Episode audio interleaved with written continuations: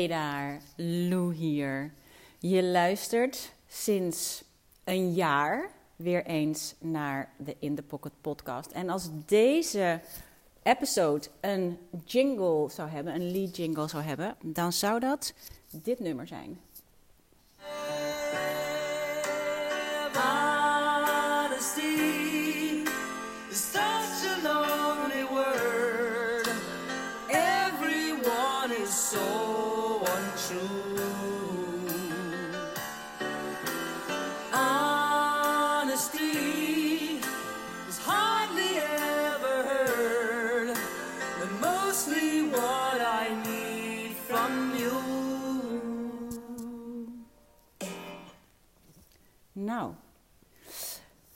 Waar te beginnen? Ik. Jongen, ja, waar te beginnen? Als je op mijn mailinglijst staat, dan heb je al het een en ander meegekregen. En als je niet op mijn mailinglijst staat, dan kan ik je dat van harte wel aanbevelen. Want dat is sinds ik niet meer op social media zit, eh the place to go voor mij om eh, mijn dingen te delen. Ehm, en er komt wat eh, mailinglist miracles de kant op van degene die op mijn mailinglijst staan. Maar dat even terzijde. Maar zij zijn, of jij bent, als je daarop staat, in ieder geval al enigszins op de hoogte. En de reden dat dit nummer de lead jingle is van deze episode, heeft te maken met een mail en slash blog dat ik schreef eh, afgelopen vrijdag over de dingen die me echt even van het hart moesten en hoeveel ik werkelijk verdien in mijn business. En dat heeft weer alles te maken met mijn eh, experiment van dit jaar, 2023, The Year of Cash and Me, waarbij cash staat voor de creator, creators, want je bent in co-creatie met het universum, of abundance, de A. In eerste instantie had ik succes voor de S en happiness voor de H. En al heel snel heb ik succes veranderd in significance, omdat ik denk dat significance ehm, een belangrijker aspect is om, te focussen, om op te focussen dan succes. En dat weet ik natuurlijk omdat ik zelf mijn focus totaal eh, op succes had gericht. En daarmee eh, op schaamte, op schuld, over essen gesproken. Want hoe succesvol is mijn business nou echt? Daar kwam ik op uit afgelopen vrijdag toen ik. ehm, oh jongens, ik weet niet zo goed waar te beginnen. Dit wordt een aflevering ehm, waarin ik ongetwijfeld, maar dat is niet zoveel nieuws, eh, alle kanten op ga. Ik heb het gevoel dat ik je helemaal bij moet praten in het afgelopen jaar. Ehm, maar daar is geen begin aan. Laat ik beginnen met te zeggen dat ik dit jaar niet voor de klas sta. Dat ik vorig jaar met ongelooflijk veel plezier groep 8 heb gedaan, heb gedaan wat nu mijn groep 9 is. Eh, alleen dan nog via de app.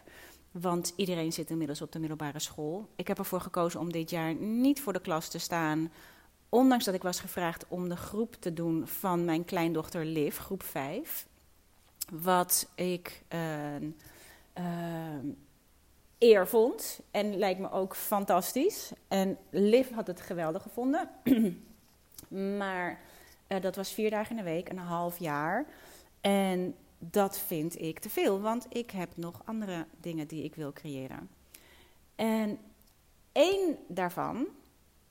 Oké, hier komt alles misschien een beetje samen. Afgelopen oktober deed ik Time Genius van Marie Forleo. En in Time Genius ga je op zoek naar je primary project, het stuk waar je aan wil werken, eh, wat je focus krijgt voor de tijd dat het duurt om dat project te creëren of van de grond te krijgen of uh, in de wereld te slingeren.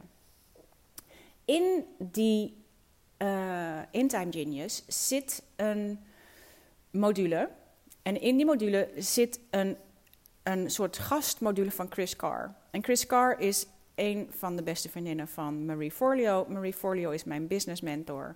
Ehm, en Chris Carr heeft vier uh, gezwellen in haar lichaam al heel lang. Het zijn eigenlijk haar raadgevers. Zij leeft al jaren.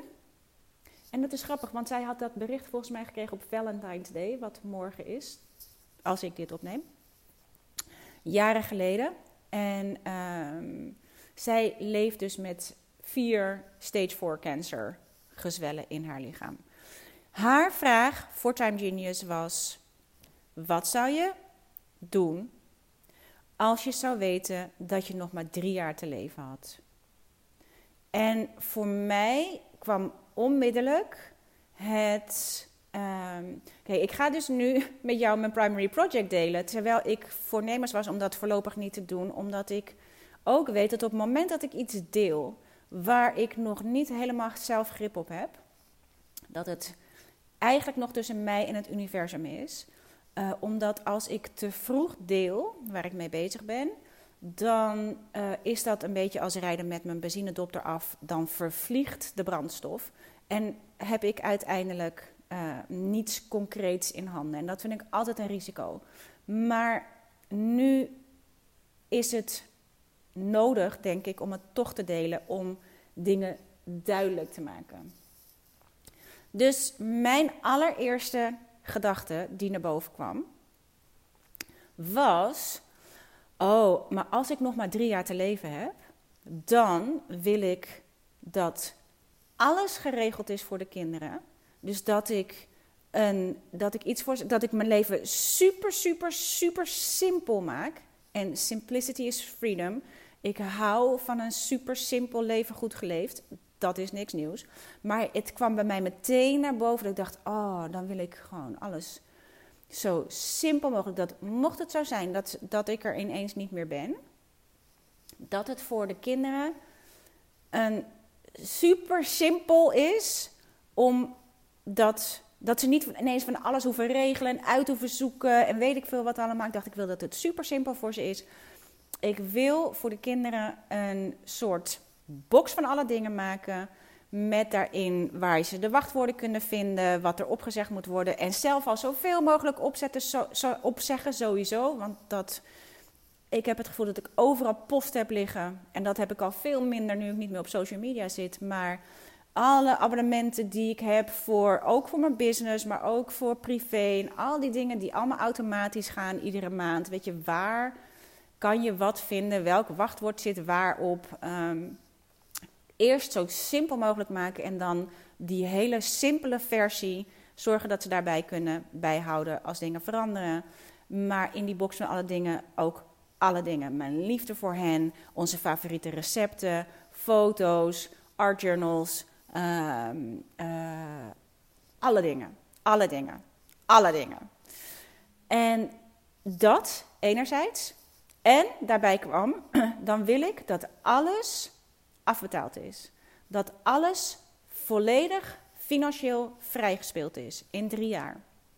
En dat betekent dat de hypotheek lening die wij hebben op onze woonboot... en ik zit je nu dit in te spreken vanaf mijn nieuwe gemanifesteerde studio... en kijk vooral eventjes, lees vooral even de blog over wat manifesteren eigenlijk inhoudt. Dat alles wat je af kunt vinken, eigenlijk kunt zeggen: oké, is gemanifesteerd.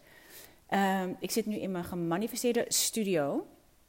Uh, fantastisch bijgebouw bij onze woonboot. Uh, dat die volledig is afbetaald. En wij hebben een resthypotheekschuld, weliswaar aan ons eigen business, aan de business van mijn man, van Pascal.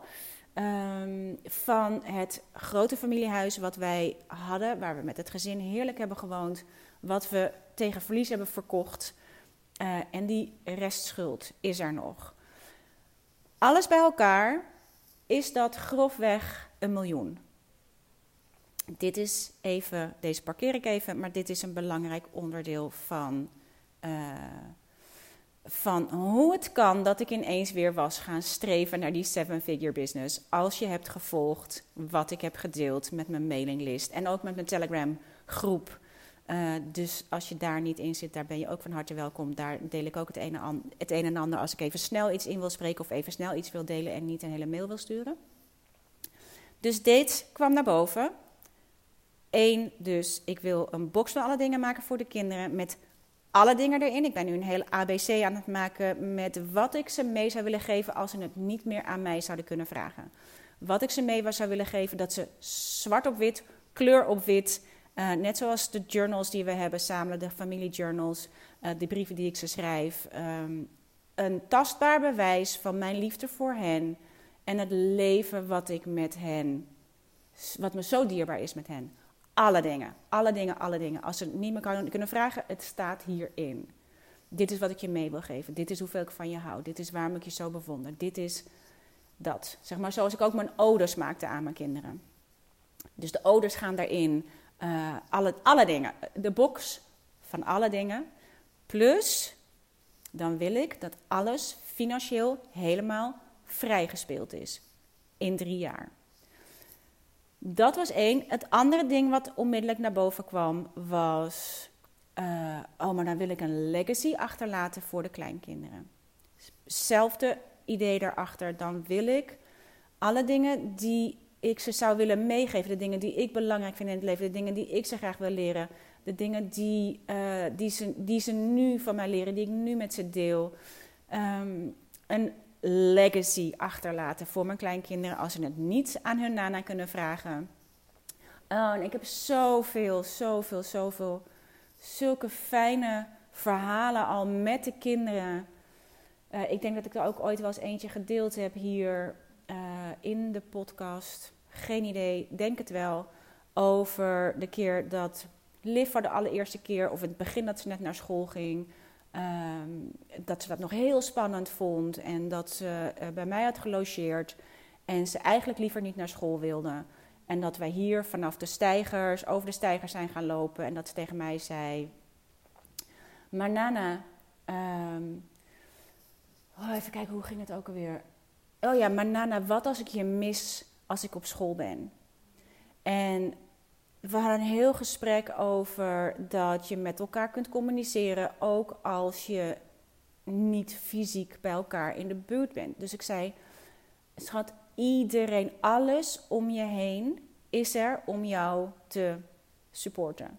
En we liepen over de steiger en er was allemaal riet langs de steiger en dat was al aan het wuiven. Ik zeg, zie je, we lopen hier doorheen en alle riet applaudisseert voor ons van, oh kijk, daar heb je Liv. En we hoorden de vogels, de chif-chaf. Ik zei, oh, hoor je? En die zegt, live, live, live, live.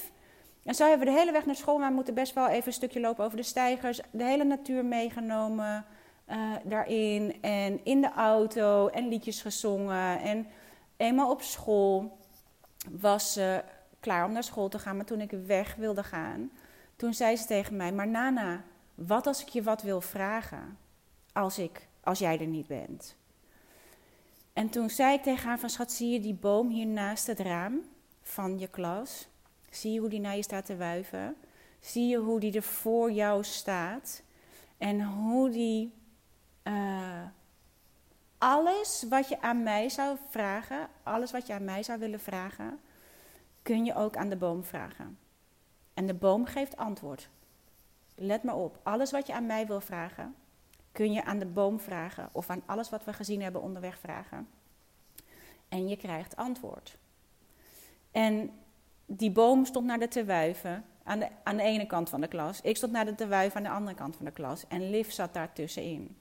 En dat stukje, maar Nana, wat als ik je wil, wat wil vragen als je er niet meer bent? In dit geval als je er niet meer bent. Dan wil ik daar alle antwoorden, die legacy, wil ik ze meegeven. Maar het kwam naar boven in een boek, in een leesboek. En dat leesboek, en, zeg maar onder andere, het kwam in heel veel, het kwam echt in bakken naar beneden. Het kwam in bakken naar binnen. Boeken, prentboeken, uh, alles, echt alles. Ik was in één keer, bang, kwam alle inspiratie naar binnen ge, uh, Nou, letterlijk als een waterval naar binnen. En ik was al een keer eerder begonnen aan een kinderboek. Ehm, in mijn, mijn werktitel is eh, Charlie en de wonderlijke wetten. Of Juf Universe en de wonderlijke wetten. Uh, Charlie is mijn jongere zelf. Juf Universe is mijn future zelf. En uh, daar was ik al een keer mee begonnen. Vervolgens kwam Pockets for My Joy ertussen. Uh, Pockets for Met Vrijheid kwam ertussen. En nu kwam dat boek weer omhoog. En dat was ooit ontstaan omdat Pascal had een artikel gelezen over hoe de, uh, het, hoeveel minder kinderen lezen. En hoe belangrijk het is dat we blijven lezen. Niet alleen voor de leesvaardigheid en de, en de, uh, uh, het leesbegrip, maar ook gewoon voor de verhalen en de stories en de dingen die je ze mee kunt geven in boeken. En toen dacht ik, oh wauw. En dat was ook, zie ik ga nu alweer alle kanten op, maar ik kom vast wel ergens uit. Dat was ook in de tijd van corona.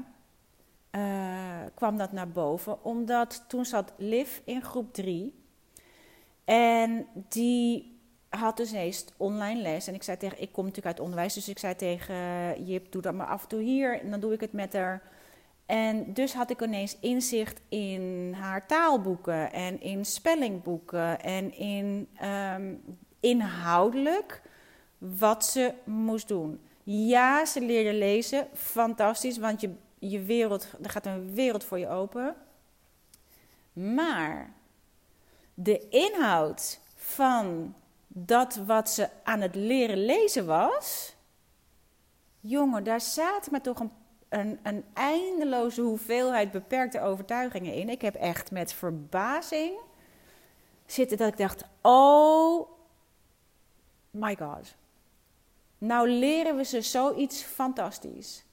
En dan terwijl we ze het leren, geven we ze allemaal paplepels met beperkte overtuigingen over goed en kwaad. En weet ik veel, ze moest een verhaal lezen over een vetvarken wat op dieet was. En het zoontje mocht dan niet iets eten, want het was, daar werd hij dik van. En ik dacht echt, oh nee hè. Dus dat was een belangrijk onderdeel, omdat ik dacht, als je dan toch leert lezen, kunnen we ze dan niet tegelijk ook, terwijl ze die vaardigheid, lezen, die vaardigheid leren, kunnen we ze dan niet ook um, meteen inhoudelijk dingen leren die wij belangrijk voor ze vinden. Over de universele wetten, over wat je denkt, hoe belangrijk het is en hoeveel wat dat je denken gevoelens creëren in je lichaam. En dat die gevoelens in je lichaam je werkelijkheid creëren. Kun je dat niet op een super eenvoudige manier, geheel een, vereenvoudigd, op die manier, als je toch leert lezen als vaardigheid, kan je dan niet inhoudelijk zorgen dat ze dat doen op dingen die, die, waarvan wij denken: wauw, als ik dat nou als kind had geweten. Dus dat was een belangrijk onderdeel dat ik dacht: oké, ik wil een kinderboek creëren. Kinderboeken, prentenboeken, uh, waarin die universele wetten terugkomen.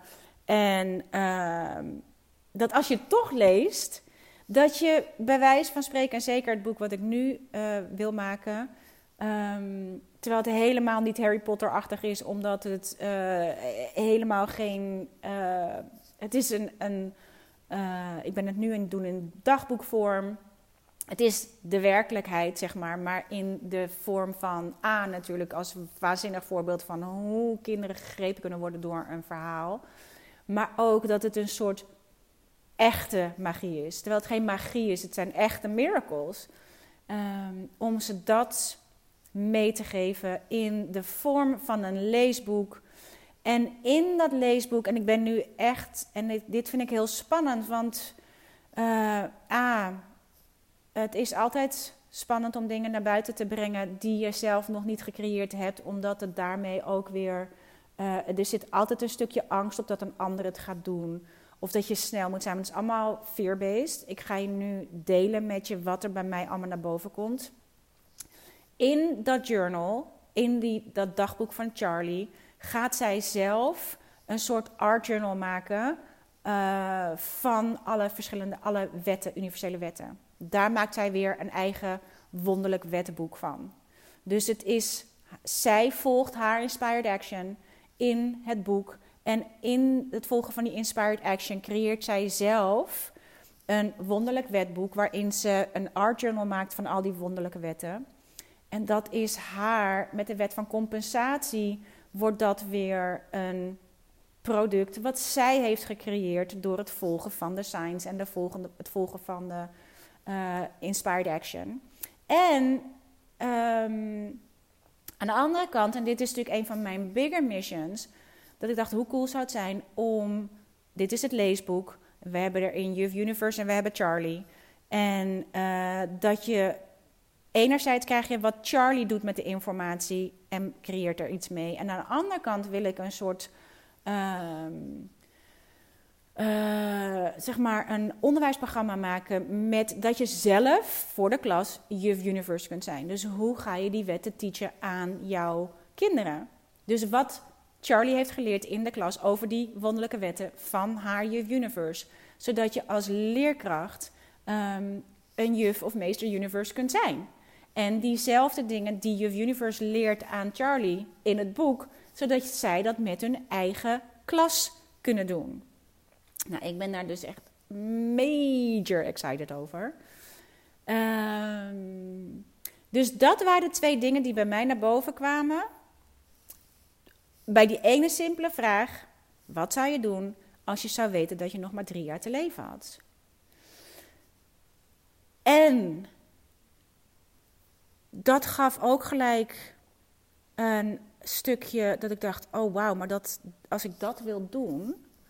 Dan, ik had alweer plannen voor 2000, uh, 2023. Ik dacht, oké, ik ga, uh, Marie Forleo is, ik ben een partner van Marie Forleo. Ik ga um, Time Genius doen met, in januari. Time Genius doen met degenen die ook Time Genius willen doen. Om ze uh, door, uh, daar heb ik het wel met mijn Time Geniuses, heb ik dit wel gedeeld. Um, ik ga dat doen en daarna ga ik nog B-School doen. En dan ga ik hiermee aan de slag.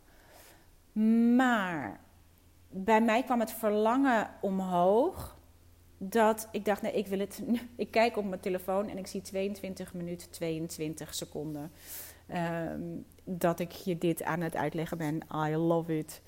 Um, dat ik dacht, ja, maar ik wil het nu doen. Ik wil hiermee aan de slag. Vervolgens komt angst omhoog. Want ik dacht, ja, dat, daarvan weet ik, dat is een groot deel van mijn inkomsten.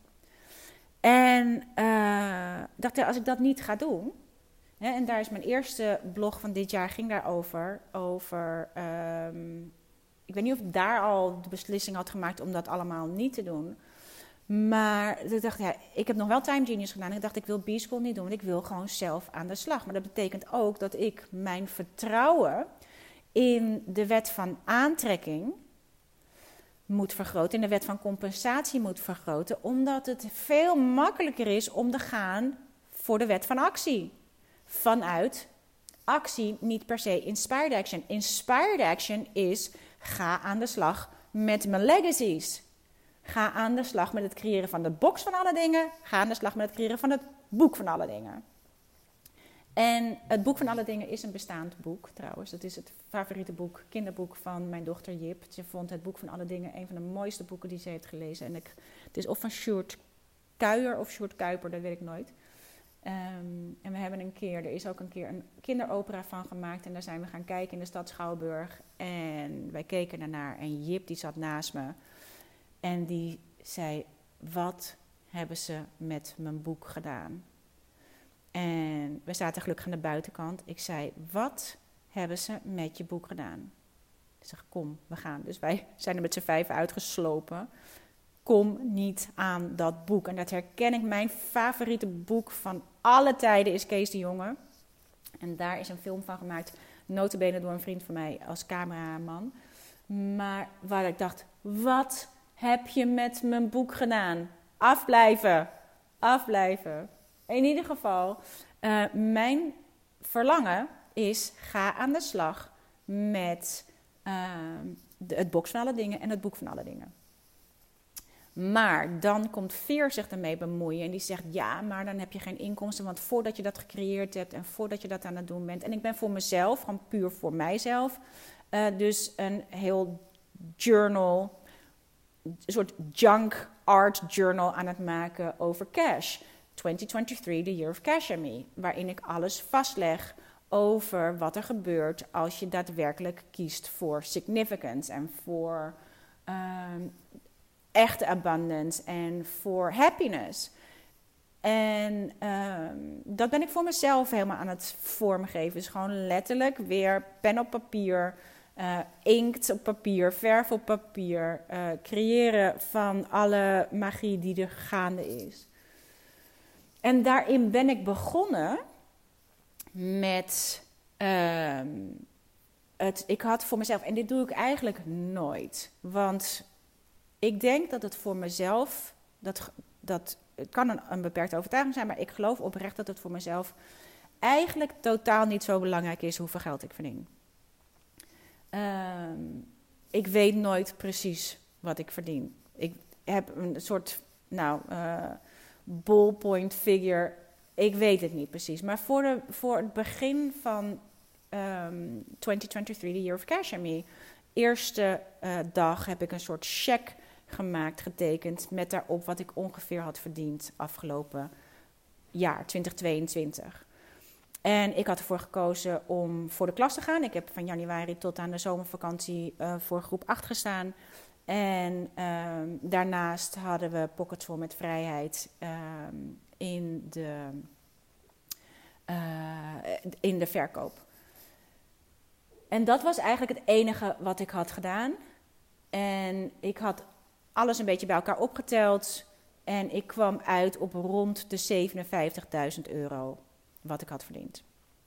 En daarbij had ik nog niet de laatste royalties van uh, tot en met december meegerekend, want die had ik nog niet. Dus zeg even dat ik totaal 2022 rond de 70.000 euro heb verdiend. Als ik het zo allemaal een beetje globaal bij elkaar optel. En dat is allemaal nog voor belastingen enzovoort. BTW is allemaal wel af, maar belastingen moeten dan nog betaald worden.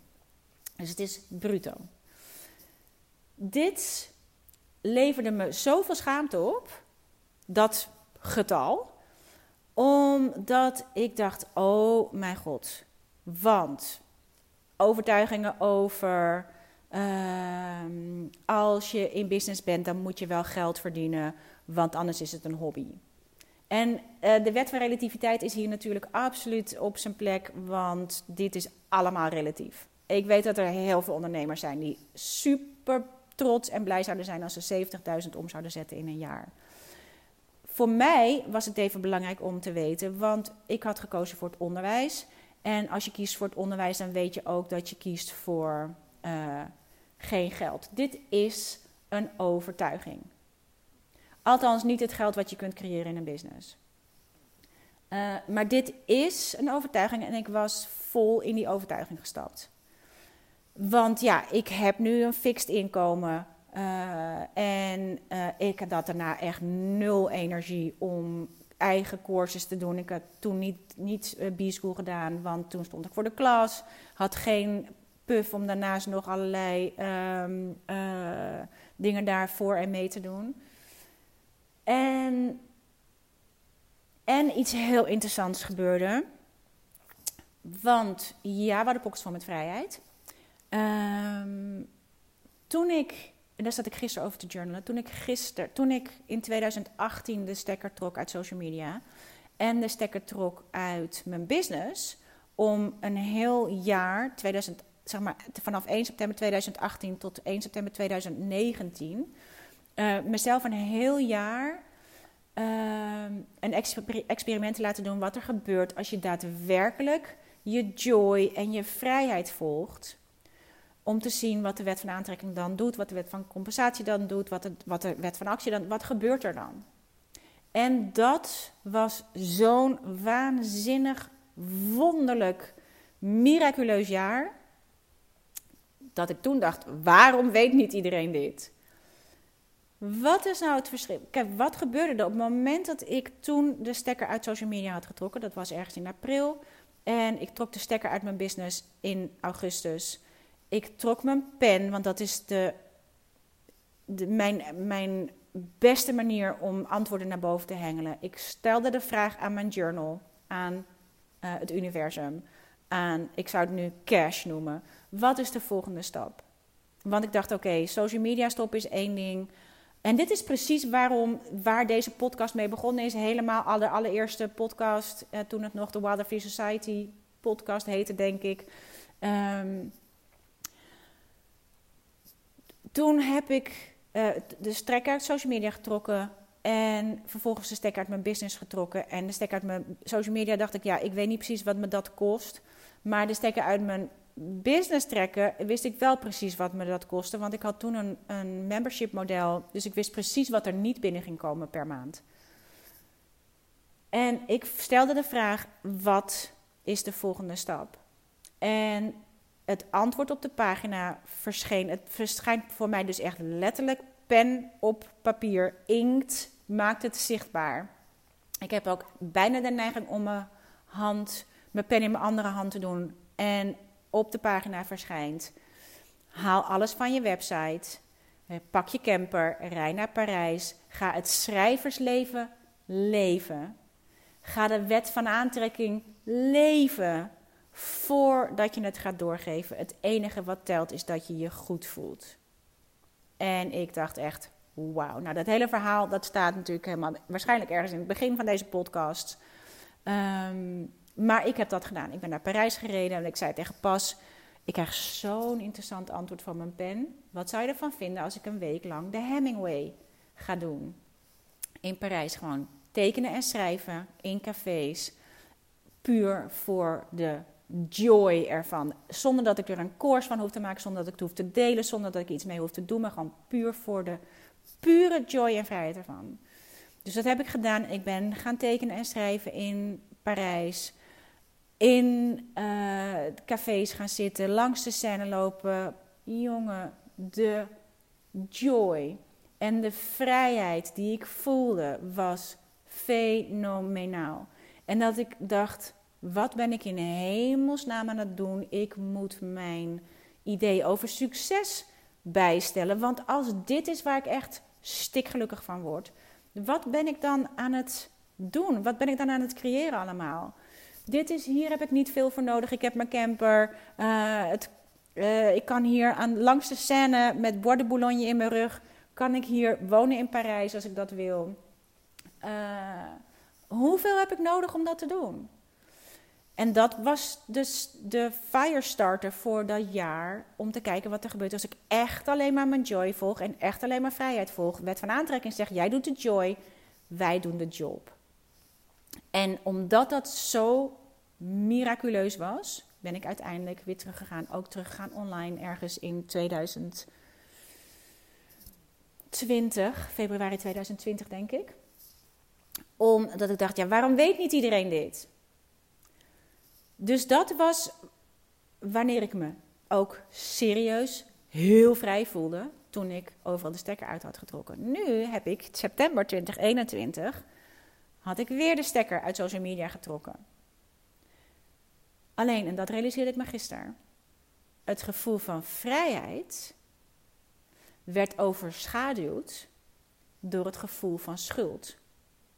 Want ik, toen ik in 2018 de stekker eruit trok, was het mijn business, mijn inkomen wat op de, op de uh, on the line was nu was ik in co-creatie met True Colors. Wij hebben samen Pockets for My Joy uitgegeven, samen Pockets for My Vrijheid uitgegeven. En ik koos ervoor om mijn vrijheid daadwerkelijk te leven en weer van social media af te gaan. Want het, het kost me mijn vrijheid, het kost me mijn joy om daar te zijn. Alleen nu kon ik die vrijheid veel minder voelen, omdat ik me schuldig voelde ten opzichte van True Colors. En ja, ik deelde het nog steeds met mijn e-maillijst. Uh, maar ja, op een gegeven moment is je, is je eigen community wel een beetje verzadigd. Degenen die het willen, die hebben het al. En degenen die er niet geïnteresseerd zijn, ja, die, die hoeven het niet. En ik ben uit schuldgevoel uh, live calls naar live calls blijven, doen. Courses naar courses blijven toevoegen. Eh, ik heb bijna alles weggegeven eraan, erbij. Want ik denk, oh ja, dan krijg je dit erbij, want dan koop je het misschien. Want ik kocht eigenlijk mijn schuldgevoel af. Terwijl True Colors, zij zijn echt fantastisch. Zij staan helemaal achter mijn keuzes. Dus het was niet door hen dat ik me schuldig voelde, maar blijkbaar, en dat had ik helemaal niet helder. Want ik dacht, wat is dan het verschil tussen de magie van 2018-19 en de magie van 2021, 2022. Waarom werkte het niet zo goed in 2022 als dat het deed in 2019? En gisteren realiseerde ik me dat dat kwam omdat ik die echte vrijheid niet kon voelen, omdat ik me continu schuldig voelde. Omdat ik, daar, omdat ik niet vertrouwde op de wet van compensatie, omdat ik niet echt vertrouwde op de wet van aantrekking, maar vertrouwde op de wet van actie. Toch blijven doen, doen, doen, Ondanks dat ik mezelf net helemaal had vrijgespeeld. En daar mijn enorme vrijheid en joy ligt. En dat ik dat nodig heb om de wet van compensatie in, in werking te krijgen. Dus dat even meenemend. En dit is waarom ik als sprekend, ik ben mentor projector. Uh, wat voor mij betekent dat ik een sounding board nodig heb, een klankbord nodig heb om hardop te spreken zodat ik in mijn lijf kan voelen wat waar is. Zo heb ik tijdens dit, gesprek, zeg maar, dit gesprek van jou en mij, ehm, waar jij eigenlijk mijn klankbord bent, en ik doe het ook met Pascal, dan zegt hij niks terug, want het is niet bedoeld als input in eerste instantie van hem over hoe hij ernaar kijkt, maar het is nodig voor mij om het er hardop uit te spreken, zodat ik het kan voelen in mijn lijf. Zo kan ik precies voelen uh, de stukjes als ik het heb over het box van alle dingen van mijn kinderen. Ik voel in één keer mijn hart wijd open gaan. Als ik het heb over het boek van alle dingen voor mijn kleinkinderen. Het verhaal over Liv. Ik voel mijn hart in één keer wijd open gaan. Als ik het heb over Doing the Hemingway in Parijs. Ik voel mijn hart wijd open gaan. Dat soort dingen weet ik. Als ik dat hardop uitspreek, dan voel ik het in mijn lijf en denk ik, ja, dat is waar. Het is waar, dit is wat ik moet doen, dit is mijn volgende stap, daar ligt mijn inspired action. Dat is voor een mental projector de manier om te onderzoeken uh, wat waar is voor jezelf. Want ja, ik ben continu in mijn hoofd en ik kan met mijn mind kan ik fantastische linken leggen en systemen onderzoeken en denken: oké, ik heb een enorme bullshit meter, dus ik kan zo zien waarin uh, dat ik denk dat klopt niet, dat klopt niet, dat klopt niet. Dus dit is en hier komen heel veel dingen. Dit is misschien waar Honesty over ging, onze lead jingle voor, dit, voor deze aflevering. Uh, ik ken zoveel entrepreneurs die, en wij zien alleen de buitenkant. Maar A, ik ken ze vaak persoonlijk, dus ik weet ook wat er uh, aan de achterkant speelt. Uh, wat je aan de voorkant niet te zien krijgt.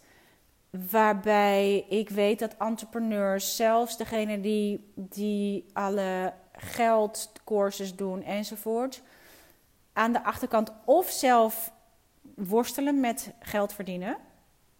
Maar aan de voorkant wel. En dit is niet, niet waar, want de principes die ze delen zijn goed, maar die ze op verstandelijk. En ik, uh, I raise my hand. En dit is wat ik ook uh, gedeeltelijk doe. En zeker als het gaat over geld. En nou deel ik nooit zoveel over geld. Mijn, mijn dingen zitten niet op geld verdienen.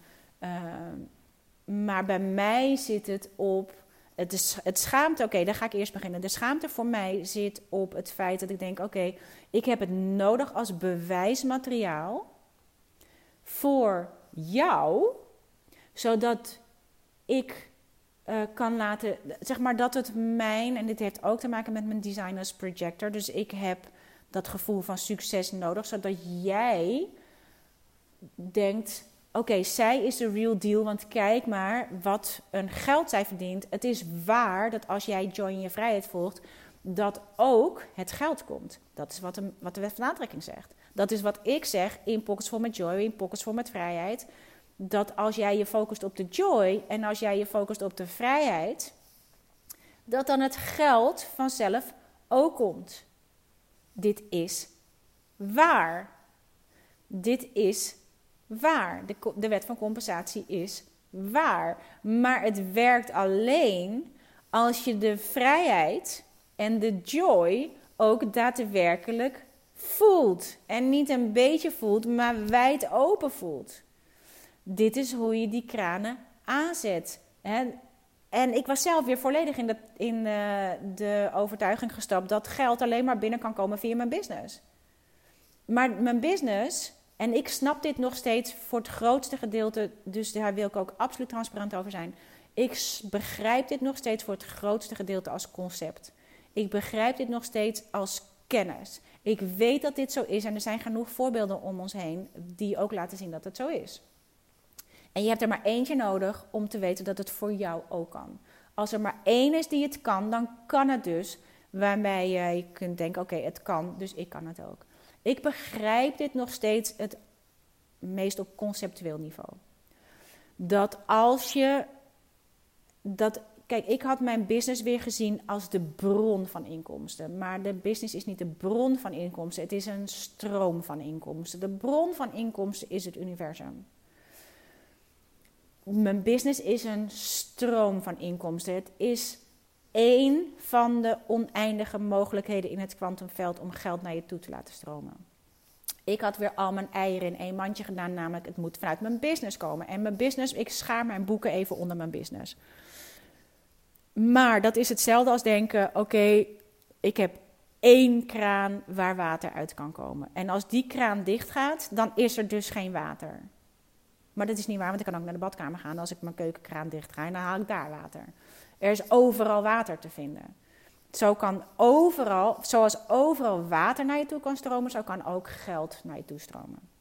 Ik snap dit dus vooral. En het is een universele wet. Ik weet dat die waar is. Ik heb hem zelf ondervonden. Zeker in mijn 2018-19 experiment.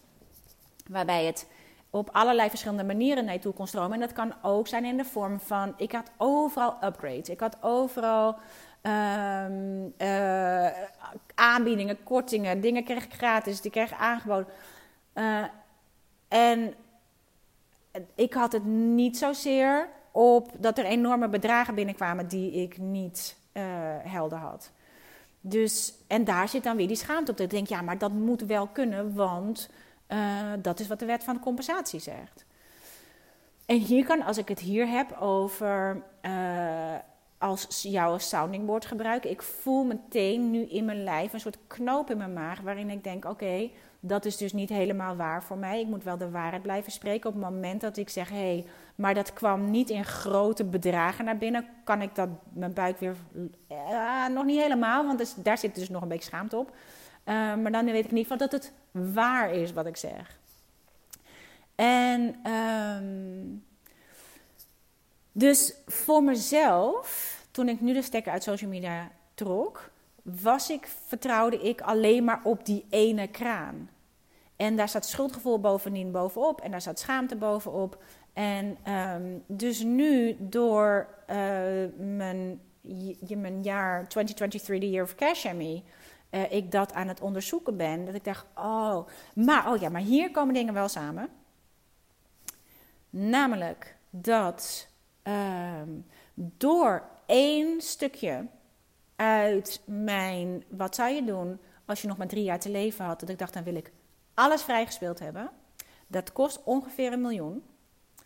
Dat ineens dat stuk, en ik denk dat dat misschien heel herkenbaar is voor heel veel van ons, dat ik denk, daar moet ik beginnen. En daar had ik alweer het paard achter de wagen gespannen. Want daar ligt niet mijn. Uh, het is een bijproduct. Het is een bijproduct. De wet van compensatie gaat in werking op het moment dat jij je joy en je vrijheid volgt. Of je dankbaarheid en je empowerment en je, uh, die hoge frequenties. En ik was toch weer. En dit is, en dit is waarom het zo belangrijk is dat je voor jezelf blijft onderzoeken wat denk ik echt? Wat voel ik echt onder die intentie? En dit is wat ik van Richard Dodds heb geleerd. Dat wij, als we een intentie zetten, niet in de gaten hebben hoeveel uh, wat, er, wat we daarin een weerwar aan gedachten en gevoelens meetrekken. En dat is wat er bij mij gebeurde. Ik had, kijk, enerzijds is het dus inspired action. Het komt als eerst naar binnen als ik mezelf de vraag stel of antwoord geef op de vraag van uh, Chris Carr. Wat zou je doen als je, als je zou weten dat je nog maar drie jaar te leven hebt? Dat één aspect daarvan is, dan wil ik dat alles afgelost is. Dat alles vrijgespeeld is. Um, dat is zeg maar even de zuivere intentie, want die komt als inspiratie naar binnen op het moment dat ik antwoord geef op die vraag. Kan ik ook voelen in mijn lijf, is een puur verlangen. Uh, en dan maakt het helemaal niet uit of dat handig is of niet. En of, of je wel alles vrijgespeeld moet hebben. Want dan komen weer beperkte overtuigingen naar boven over belastingen. En dat dat niet voordelig is. En bla bla bla bla bla. Maar dat is het verlangen. Alles vrijspelen. Simpel, alles simpel, simpel, simpel maken. Alles zo simpel mogelijk kunnen overdragen. En ik ben echt wel van plan om hier over drie jaar nog te zijn. En over dertig jaar ook. Enzovoort, enzovoort. Dus het is een pure intentie. Dat is belangrijk voor jezelf om te weten. Oké, is het een pure intentie die ik heb? Wat er vervolgens gebeurt is als wij niet doorhebben dat die pure intentie in, gewikkeld zit in tegenstrijdige gedachten en die tegenstrijdige gevoelens en emoties creëren. Dus als je daar niet bewust van bent, zoals ik er dus niet bewust van was, dat dat mijn pure intentie was. Maar vervolgens had ik niet in de gaten, in eerste instantie niet in de gaten, dat de gedachten die daar aan zaten, dat ik, dat ik daar dus mee moest beginnen. Dan moet ik dus beginnen met dat geld, want dat is een van de verlangens. Maar geld is een bijproduct. Dat gevoel, die gedachte van, oh, maar dan moet ik, dan moet ik dat dus gaan verdienen, omdat ik uh, iets wil creëren wat er nog niet is en waar ik dus niet meteen mijn geld mee kan verdienen, kan ik daar voor mijn gevoel niet mee beginnen, want ik moet eerst geld verdienen, want ik heb het verlangen om alles vrij te spelen. Oe, oe, oe, oe, oe. Dat is de gedachten die ik heb. Die gedachten die creëren onrust in mijn lijf. Die creëren uh, de wet van, gaan de wet van actie aan in plaats van de wet van inspired action. Uh, de wet van actie aan. Wat kan ik doen om geld te verdienen? Dat is niet de vraag die je wil stellen. Wat kan ik doen om mijn significance te leven? Bij mij komt gelijk, wat zal ik doen? Beantwoord de vraag voor jezelf. Wat, zou, wat kan ik doen als ik um, uh, nog maar drie jaar te leven heb? Wat zou ik dan nu doen? Het is een fantastische vraag. Wat is de volgende stap? Is een fantastische vraag. Wat komt er dan naar boven? Want voor mij komt meteen naar boven wat ik het allerbelangrijkste vind. Wat ben ik dan nu aan het najagen? Dat is dus niet wat ik nu hoor te doen. Wat ik hoor te doen is dat. En het is voor mij nog altijd waar geweest. Die liefde voor de kinderen en inmiddels de kleinkinderen heeft me altijd ook mijn purpose gebracht. Zo heeft de liefde voor mijn kinderen toen ik stopte met lesgeven, omdat ik dacht: ik wil gewoon met de kinderen zijn, met dat klasje van drie, waarin ik met hen ben. Daar wil ik over tekenen en schrijven, gewoon puur voor mezelf, in mijn eigen journals. precies dezelfde basisbehoeften vastleggen. Dit simpele leven goed geleefd. Hier is het bewijs dat we een heerlijk leven met elkaar hebben gehad. Hier is het bewijs van de goede dingen in ons leven. Zijn er geen slechte dingen? Zeker wel. De dood gaat aan, niet aan onze deur voorbij. Uh, ziekte gaat niet aan onze deur voorbij. Het is er allemaal. Het zit in alle dingen. En ik denk dat dit super belangrijk is. Hoe zijn we daartoe mee omgegaan? Hoe hebben we dat gered met z'n allen? Hoe, wat zijn de lichtpunten daaruit? Wat was het verborgen voordeel daarin? Alle dingen. Dus het gaat echt niet alleen maar om de goede dingen. Het gaat om alle dingen. Wat, hoe hebben we dat gedaan? Hoe hebben we dat opgelost met elkaar? Hoe hebben we dat. Uh, wat, zijn de, wat is het goud wat daarin verborgen ligt? We zijn goudzoekers in plaats van foutzoekers. En dat is denk ik een belangrijk onderdeel van ons gezin. En dat heeft me even heel kort door de bocht, en dat zit ook vast ergens in een van de eerdere afleveringen, mijn boeken opgeleverd. Groot en meeslepend leven, een ode aan dagelijkse sleur. Les is luxe, uh, licht en avontuurlijk leven. En dat is precies, Les is luxe was een antwoord op het succes wat uh, groot en meeslepend leven met zich meebracht. Dat iedereen groot en meeslepend ging leven, maar ik was ondertussen alleen maar aan het werk. Dat ik dacht, hoe kan ik voor mezelf Ehm, een, een simpel leven, goed leven en toch succesvol zijn. En uh, Moedige Moeders en Dappere Dochters, het boek met mijn, ehm, met mijn jongste dochter Jip, die op haar zeventiende haar eerste kind kreeg, mijn eerste kleinkind kreeg. Daar is ook een blog van. Ik zal een link doen naar de blogs die je kan lezen, want dat zijn belangrijke aanwijzingen voor mezelf. Want dat was ogenschijnlijk uh, een, een tegenslag, maar er lag zoveel voorspoed in. Er lag zoveel liefde in. Dus ook het volgen, het zit voor mij, ik weet dit. Ik heb bewijsmateriaal genoeg verzameld in mijn leven dat te weten dat het kiezen voor die kinderen. En dat begon al vanaf het moment dat ik moeder werd van Keesje 29 jaar geleden. Mijn hart dat wagenwijd open ging. Ehm, de volgende stappen die zich ontvouwden daardoor. Die totaal anders waren. En ik had op dat moment een jetset leven. Ik heb geld verdiend als water. Ik heb uh, tonnen uitgegeven aan dingen die er nu in mijn ogen totaal niet toe doen. Um, en dat is tegelijkertijd een, uh, heb ik daarmee ook beperkte overtuigingen naar binnen gehaald, omdat ik toen op dat moment, toen ik alleen verder ging met mijn kinderen en dacht: oké, ik moet nu meer rek hebben in mijn geld, uh, ben ik dingen, alle dingen die me daadwerkelijk echt veel geld kosten, heb ik eruit gedaan. Ik heb niet meer allerlei dingen gekocht die, me niet, die, die er eigenlijk helemaal niet toe doen. Of uitgegeven aan dingen die er eigenlijk helemaal niet toe doen. Um, die ben ik niet meer gaan doen. En ik dacht, ik kan het zelf maken. Ik heb letterlijk ruimte gecreëerd. De law of vacuum. Als je letterlijk ruimte creëert om alles eruit te doen, dan kan het universum het voor je invullen met de dingen die er wel toe doen. En mijn creativiteit is daar opgebloeid. Wauw, man, ik kan dit gewoon zelf maken. Oh, wauw, ik heb nu. Ik heb al die dingen helemaal niet nodig. Oh, wauw, het is veel vervullender om dit zelf te doen. Oh, wauw. Ik liep weer te, oh wauw, wauw, wauw. De power of wow is voor mij een enorme indicator dat ik op de juiste weg ben. Maar daar heb ik ook de overtuiging opgelopen: ik heb liever tijd dan geld. In plaats van ik heb liever tijd en geld.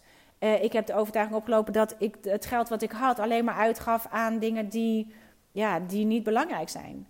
En toen ik voor de klas ging, toen verdiende ik in een maand wat ik normaal gesproken had toen mijn make-up er nog niet eens op. Maar de voldoening was veel groter. Dus daar heb ik een beperkte overtuiging gecreëerd over veel voldoening is weinig verdienen. Weinig voldoening is veel verdienen. Oeh, dat is wel een goede om er even uit te halen.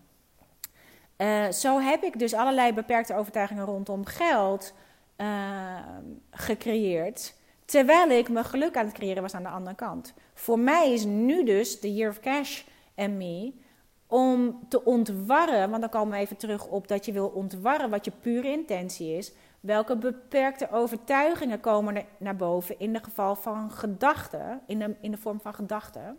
Die gedachten die je erover hebt, die creëren een bepaalde emotie. En met die emotie blijf je die dingen aantrekken. Dus het is belangrijk om die pure intentie, die je naar boven haalt. Misschien voor jou ook in de vraag: wat zou ik nu doen als ik zou weten dat ik nog maar drie jaar te leven had? Um, de pure intentie die daar naar boven komt. Oké, wees nu heel bewust van welke beperkte overtuigingen komen in, in gedachten.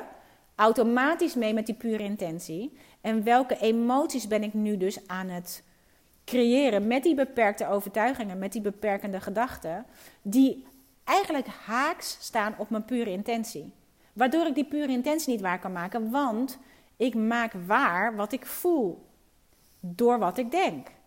Welke beperkte overtuigingen heb ik zitten op die pure intentie? In mijn geval is dat dus in dit geval, en ik heb er voor het manifestatiemagazine uh, over geschreven, en ik weet eerlijk gezegd niet of die nu al uit is, dat hè, mijn pure intentie was, ik wil stoppen met, met social media de gedachten die daar ingewikkeld waren, was: ja, maar dat kan niet. Je kan niet een online business hebben als je uh, zelf niet online bent en bla bla bla bla bla. De pure intentie was: ik wil stoppen met social media. Dat was de pure intentie. Door los te maken, de gedachte, wat je wil doen, is de gedachte die je erover hebt droppen. De, daarmee drop je automatisch ook de emoties die je erover hebt. Want als je niet meer connect met die gedachten, creëer je ook die emoties niet meer. En kan je alleen die pure intentie houden. De rest drop je. Of je gaat, hè, dit is manifesteren 2.0, heb ik je ook nog helemaal niet over geüpdate in dat afgelopen jaar. Eh, dat komt wel een andere keer. In manifesteren 2.0 drop je die gedachte, want je wil in alle gevallen wil je een, een, eh, de, de wet verbreken. Je wil geen energie meer geven aan de, eh, de, de gedachten die je niet dienen. Dus je wil een. eh, eh, en in het gewone manifesteren wil je je ook bewust zijn van die gedachten. En daar ga je dan positieve gedachten tegenover zetten. Dat je denkt: oké, dit is wat ik denk. Ehm, wat kan ik denken waardoor ik me beter voel? Manifesteren 2.0 is super energiezuinig. Eh, want het kost heel veel energie om continu het tegenovergestelde ervan te denken, waardoor je je weer beter voelt. Het is een ingewikkelder, het is eigenlijk een soort. ehm, eh, het is manifesteren 1.0, als ik het maar even zo zou zeggen. Werkt nog steeds heel goed, maar is veel arbeidsintensiever. En dan moet je continu naar die positieve gedachten gaan. Dat kost onwijs veel energie. Je kan het ook in één keer droppen. En daar zal ik in de toekomst misschien nog wel eens een episode over maken. Maar voor nu is dit eventjes. ehm, je kan het op twee manieren doen. Het gaat in beide gevallen over wat is de zuivere intentie. Dat is het, het enige wat je over wil houden. En vervolgens wil je de. Oh, dat was echt wel tof. Ik ging gelijk kijken, wat, hoe laat is het? 55 minuten en 55 seconden. Ehm, het enige wat je over wil houden is die pure intentie. Je wil je bewust zijn van de gedachten die je daarover hebt. Die de emoties creëren in je lijf. Want met je lijf trek je het aan. Met je gedachten zend je een signaal uit. Een elektrisch eh, veld uit in het kwantumveld.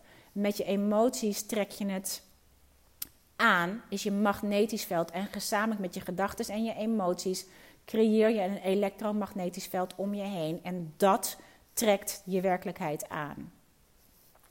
Door je te disconnecten van eh, de pure intentie, eh, alleen de pure intentie over te houden en de rest letterlijk over te laten aan het universum, zodat die oneindige mogelijkheden, de wet van oneindige mogelijkheden kan aangaan. In plaats van, hè, zoals mijn pure intentie is, het creëren van de box en het boek van alle dingen, laat ik het even zo noemen. Alle gedachten die daar aangekoppeld zitten over waarom ik daar nu niet meer aan de gang kan, want dan heb ik geen inkomen en dan bla bla bla. Dat is vertrouwen op de wet van actie. Dat is vertrouwen op dat geld alleen maar binnen kan stromen uh, via mijn business. Dat is vertrouwen op. Um, uh, en, en creëren vanuit angst, niet vanuit liefde. Want creëren vanuit liefde is gaan creëren de box van alle dingen en het boek van alle dingen. That's it. En dat er dan dus geen geld binnenkomt omdat ik niet actief een uh, cursus heb om te verkopen of een, of een, een whatever. Daarmee moet ik dus meer vertrouwen op de wet van compensatie, op de wet van oneindige mogelijkheden. Moet ik meer vertrouwen op die kraan, die niet alleen de kraan van business is, maar dat op alle kranen van de wereld. En dat niet langer als concept alleen maar snappen, maar ook daadwerkelijk in mijn lijf voelen dat vertrouwen.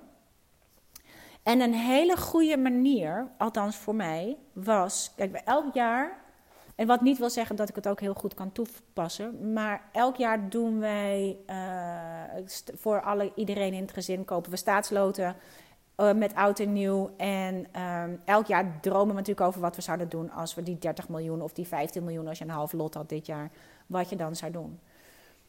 Wat er bij mij meteen naar boven kan. En het is met name belangrijk om je af te vragen: hoe zou ik me voelen als ik dat zou uh, doen? Als ik dat zou winnen. En ik voelde meteen relief. Ik voelde zo'n opluchting dat ik dacht: oh wauw. Als ik dat zou winnen, want het was natuurlijk nadat ik uh, wist wat ik wilde creëren. Um, want ik heb in oktober uh, Time Genius gedaan.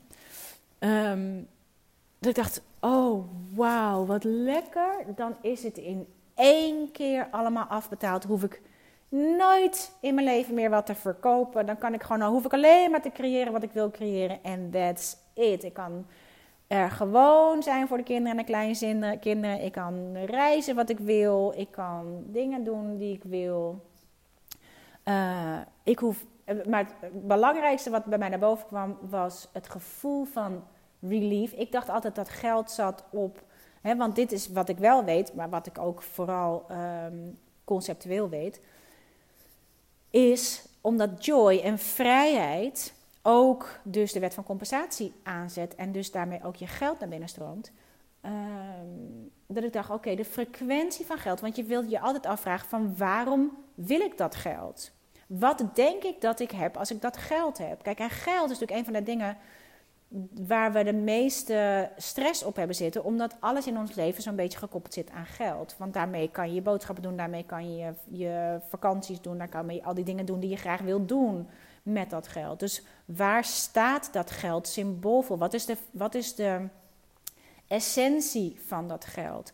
En ik heb altijd gedacht dat de essentie van dat geld vrijheid is. Want het geeft me vrijheid om te doen en laten wat ik wil. Dus dan is mijn job om te doen, is te zorgen dat ik nu die vrijheid zoveel mogelijk voel. En de dingen al doe die ik kan doen met het geld wat ik al heb.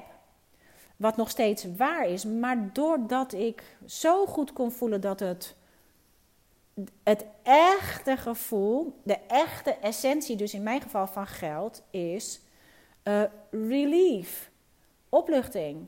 En een van de meest waardevolle uitspraken van uh, Abraham Hicks voor mij is: Feel the relief of the release. Voel, het, uh, de, voel de opluchting van het loslaten.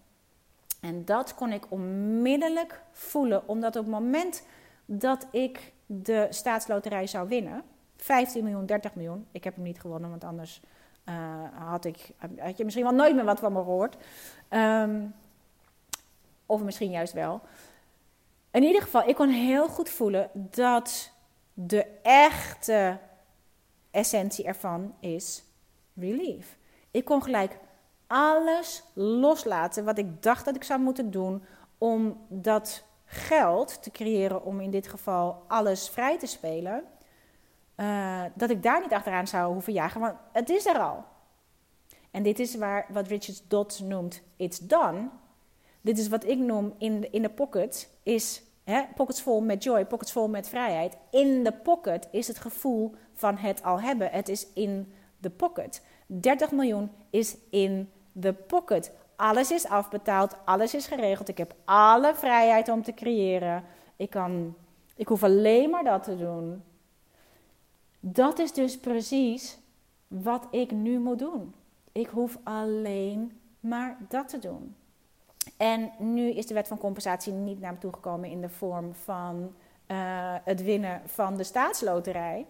Hoewel dat heel goed één van de manieren kan zijn. Het kan één van de kranen zijn. Het kan één van de stromen van inkomsten zijn. Het is niet de bron van inkomsten. En het zou in dit geval ook ik was, je moet een energetische match worden met de abundance, met het geld. De frequentie moet letterlijk op de vibratie van dat geld zitten. Voor mij is die vibratie dus relief. Voor mij is het dus belangrijk om zoveel mogelijk relief, opluchting te voelen in het leven dat ik al heb, zonder dat alles al is afbetaald. Waar zit de relief? De relief, en dat was het mooie, afgelopen vrijdag had ik het dus die mail gestuurd met daarin wat ik daadwerkelijk verdien, in plaats van wat ik wil dat jij denkt dat ik verdien, op basis van bewijsmateriaal dat de wet van aantrekking inderdaad waar is. Want kijk maar wat zij doet.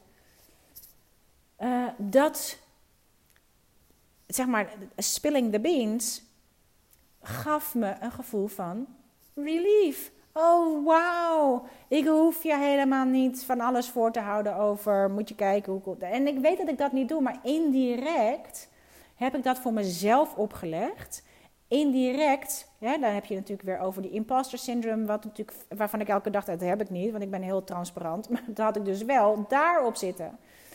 En um, maar relief zit ook in als ik heel nodig moet plassen, ik ben naar de wc geweest, is relief. Als ik terugkom van de honden uitlaten en ik hoef er niet meer uit, is relief. Mijn huis opruimen is relief. Dingen gedaan hebben die ik had gezegd dat ik zou doen is relief. Nu schrijven en kiezen voor morgens gewoon eerst schrijven is relief. Waar ligt de relief?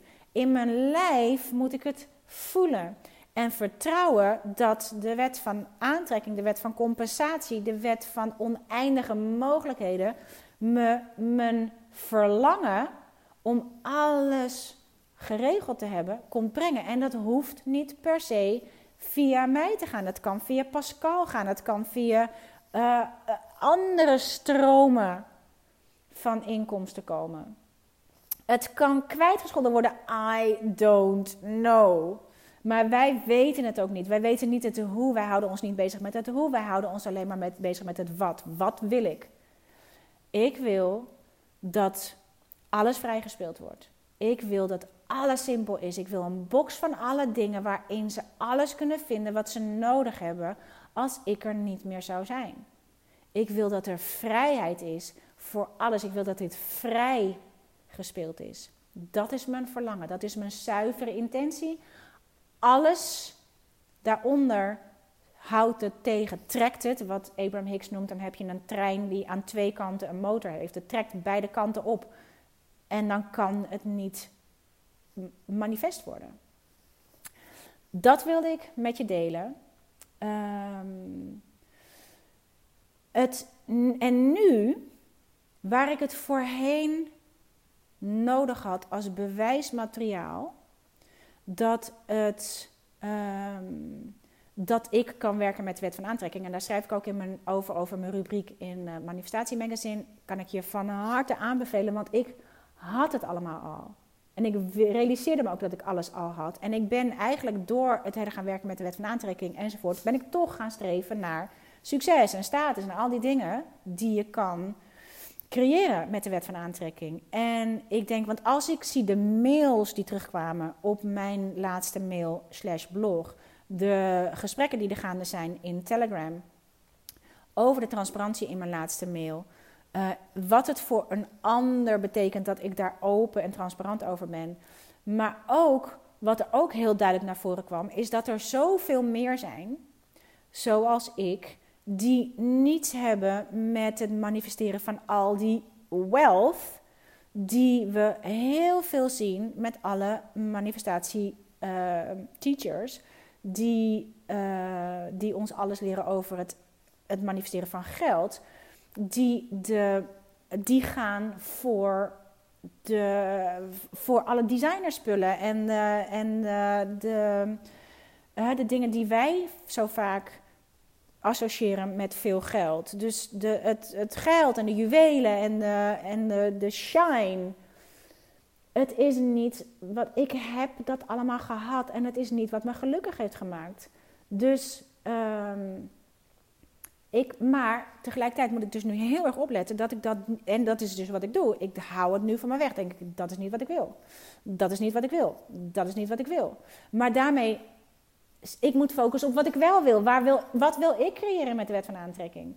En als ik zo even de, de e-mails en de berichten lees die kwamen op, als reactie op de, het blog en uh, e-mail, dan zijn er zoveel meer van ons. En ik denk dat jij daar één van bent als jij luistert naar deze podcast. Uh, en uh, onderdeel bent van mijn community, mijn Freedom Riders, de Joy Riders, de Wilder Free Society, alles wat ik tot nu toe gecreëerd heb, de bondgenoten. Wij houden van andere dingen. Wij houden van andere dingen. Wij kunnen ons niet identificeren met de geldende norm van dat wat er gecreëerd wordt in woord en beeld met de wet van aantrekking en niet met van compensatie en al dat geld dat het voor ons niet zit in de, uh, de private jets en de designerspullen en de, um, de grote resorts. En niet in die vorm van luxe. Voor ons zit de luxe in de luxe van op klaarlichte dag een dutje doen. Uh, op klaarlichte dag een bad nemen, een boek lezen. En oh man, de luxe daarvan. De luxe en van de tijd hebben met je kinderen en je kleinkinderen in mijn geval. Het zit in zulke andere dingen. Maar wij moeten ons heel bewust zijn dat we daarmee uh, onze eigen rijkdom in alle vormen tegenhouden. Omdat we zien wat we niet willen, waarmee we gefocust zijn op wat we niet willen. Maar nu ben ik me bewust dat ik met the year of 2023, the year of cash and me, dat ik, ik geloof nog steeds op zoek ben naar bewijsmateriaal, sowieso voor mezelf, om te bewijzen dat de wet van compensatie waar is. En ik, maar ik voel nu ook gelijk angst erop, wat als het niet waar is. Um, wat als het niet waar is? Dat is wat ik nu voel. Als ik dit hardop uitspreek, voel ik die knoop in mijn maag. Oké, ik wil dit als bewijsmateriaal, maar ik voel tegelijkertijd, maar wat als het niet waar is? Dus mijn job is nu om die zuivere intentie te houden. Zoals ik die zuivere intentie had in 2018, 2019. Wat gebeurt er als je de, als je joy en je vrijheid voelt, volgt? Wat gebeurt er dan? Toen had ik voor mijn gevoel niks op het spel staan. Ik was bereid om het allemaal niet te hebben. Dat is een van de meest powerful points om te zijn. Ik was bereid om dan maar niet succesvol te zijn. Ik was bereid om dan maar niet. Um, uh, dan maar geen geld te hebben. Dan, dan, maar niet, dan maar geen bestselling author te zijn. Dan maar niet al die dingen. En dat gaf me al die dingen. Dus nu moet ik voor mezelf, omdat dat stukje erop zit dat ik denk, ik wil alles afbetaald hebben, zit ineens dat stuk geld er weer op. Dus voor mij, ik moet dat stuk parkeren en alleen maar gaan naar die zuivere intentie van wat ik wil creëren. De box van alle dingen en, en het boek van alle dingen. En de rest parkeren, want dat geeft me stress. En dat is wat ik zo mooi vind aan het werk van Richard Dodds. dissolve the problem. Als je een, te veel stress hebt zitten op geld, wat ik dus nog steeds heb, um, ga er dan helemaal niet heen. Disconnect ervan. Dus dat deel en dan kan ik gelijk het gevoel in mijn buik loslaten. Hoewel mijn lagere zelf zeker nog met haar vinger staat te zwaaien en zegt: Ja, maar dat kan je niet loslaten, want dat is onderdeel van het geheel. I know. Maar zo zat uh, mijn lagere zelf. Uh, a.k.a. Fear, naast me onderweg naar Parijs. Die zat te schreeuwen met, wat ga jij nou doen? En met je social suicide. Hemingway, die heeft echt suicide gepleegd. En die had geen droog brood verdiend met zijn, met zijn schrijven. En uh, schrijven, met schrijven kan je überhaupt geen droog brood verdienen. En bla, bla, bla. En hij moest duiven schieten in het park om van te eten. En jij bent vegan en bla, bla, bla. Al die gedachten moest ik loshalen al die weerwar van gedachten en gevoelens moest ik losmaken van de zuivere intentie van wat gebeurt er als ik de Hemingway ga doen in Parijs. Toen was ik nog niet eens bij dat jaar. Dat was gewoon over een week naar Parijs rijden en kiezen voor pure joy zonder dat het ergens door hoeft te leiden, zonder dat het ergens voor hoeft te zijn. Is dus blijkbaar heel moeilijk om gewoon iets te creëren zonder dat het geld oplevert. Zonder dat het in eerste instantie geld oplevert. Want uiteindelijk de wet van compensatie ik weet dat het waar is. Ik moet er alleen weer opnieuw op vertrouwen. Dus nu denk ik dat ik het nog steeds als een soort bewijsmateriaal wil. Voor mezelf en voor jou. Niet als bewijsmateriaal voor jou, zodat je mij kan vertrouwen, maar voor jou om te laten zien dat het kan. Dat het echt kan. Want ik heb ergens een overtuiging dat het kan, maar ik heb nog steeds die kraan van business als, uh, als, als bron van inkomsten. Omdat ik uh, alle teachers die ik ken en die mij dus leren over dat geldstuk, ja, die doen het allemaal door hun business heen. Zij verdienen al dat geld met die business. Dus daar zit voor mij nu dat ik denk, ja, maar jij hebt het toch ook, jij doet het toch ook door je business heen. En we weten dat het via oneindige mogelijkheden kan. En dat het ook via je, uh, via je partner kan. En ik heb een keer een, een heel succesvolle onderneemster uh, gesproken. En zij wilde ook naar die seven figures. En um, toen zei ze, ja, mijn, uh, mijn man zit in bitcoins. Dus in bitcoins zou het ook kunnen, maar dat voelt niet echt. En ik denk dat dat een hele belangrijke is om eruit te vissen. Want als het via Pascal zou komen, dan voelt het niet echt. Bijvoorbeeld dat ik dat niet heb gemanifesteerd. Maar ik weet ook, want toen ik leerde, en dat staat helemaal uitgebreid in de rubriek van ehm, de rubriek in Manifestatie Magazine van. Zeg maar, dus niet, nu komt de, het tweede, het, zeg maar, de tweede deel uit. In het eerste deel staat in die van, van vorige keer. Toen ik leerde over al deze wetten. Ik leerde over deze wetten in 2000. In Hawaii was ik samen met mijn zus heen. Voor een cursus Animal Communication. En wij gingen daar zwemmen met dolfijnen en bla bla bla. Dat is een lang verhaal, lees het vooral daar. Eh, daar wil ik nu niet dieper op ingaan. In ieder geval, daar heb ik de principes geleerd. En toen ging het nog totaal niet over geld. Daar waren we helemaal niet mee bezig. Daar waren die dingen ook niet, niet voor bedoeld. Die cursus niet voor bedoeld. Die cursus daar waren bedoeld voor leren communiceren met dieren. Leren communiceren met je eigen intuïtie. En we hebben daar fantastisch... Leren een zuivere intentie te zetten. En daar hebben we de intentie toen gezet voor, die zal ik je wel even met je delen. Die hebben de intentie gezet om te zwemmen met dolfijnen, wilde dolfijnen. Dus niet ergens heen en dan eh, dat je weet dat de dolfijnen komen. We hadden de intentie gezet om te zwemmen met wilde dolfijnen. En we hadden van die kristalletjes. En daarin hebben we de intentie, die hield je in je hand. Daar zette je je zuivere intentie in. En toen hebben we die kristallen hebben we in een, in een driehoekvorm in de oceaan gelegd. Eh, redelijk dicht bij de kust. Met de intentie dat wij eh, met wilde dolfijnen zouden zwemmen. En eh, toen zijn we zelf, dit is precies hoe manifesteren werkt. Je zet de intentie. En vervolgens ga jij doen waar je plezier aan beleeft. Joy aan beleeft. Wij zijn zelf gaan zwemmen en snorkelen en eh, plezier gaan maken. En wij waren in het water en niet heel veel later eh, zagen we een enorme school met dolfijnen op ons afzwemmen. Wij waren in het water, dus je zag letterlijk op ooghoogte zo'n enorme school met vinnen op je afzwemmen. Nou, het is echt wat ik je toch even dubbelcheck. Ik denk, dat zijn toch wel dolfijnen. Maar we zagen die enorme school met dolfijnen op ons afzwemmen. En die kwamen helemaal om ons heen, tussen ons door. Wij met die, met die snorkels en duikbrillen onder water kijken. Echt moeders met kleintjes. Echt, mijn duikbril was vol tranen. Het was zo waanzinnig cool. Het was zo, nou, buitenaards bijna. Het was zo ontroerend. En dat hadden we allemaal. We zaten allemaal met een wauw. Hoe is het mogelijk? En we hebben een tijd met die dolfijnen gezwommen. En op een gegeven moment zwommen die dolfijnen weer weg. Toen zijn wij naar de kant gezwommen. En we waren dus echt heel dicht bij de kust. Wij zijn naar de kant gezwommen.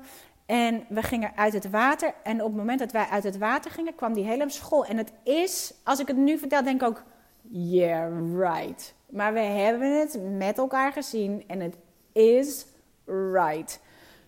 Wij stappen uit het water.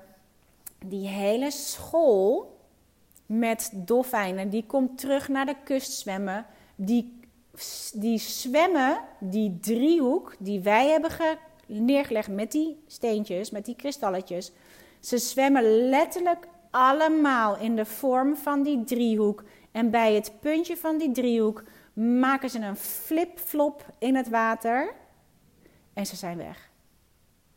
Nou jij weer. OMG. OMG. We konden het niet geloven. De kracht van intentie is waar. Loslaten vervolgens dat het gaat gebeuren is ook belangrijk. Dit is stap 2. Dit weten we allemaal. Het was, dit was bizarder en cooler dan we überhaupt hadden kunnen bedenken.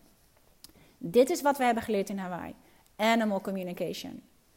Intuïtie. Inchecken met je intuïtie. En toen ik terugkwam in Nederland, toen, dit was de eerste periode dat ik stopte met werken omdat ik graag alleen wilde zijn. Of stopte met studeren eerlijk gezegd, want ik was nog steeds model toen Pascal en ik elkaar leren kennen in 98.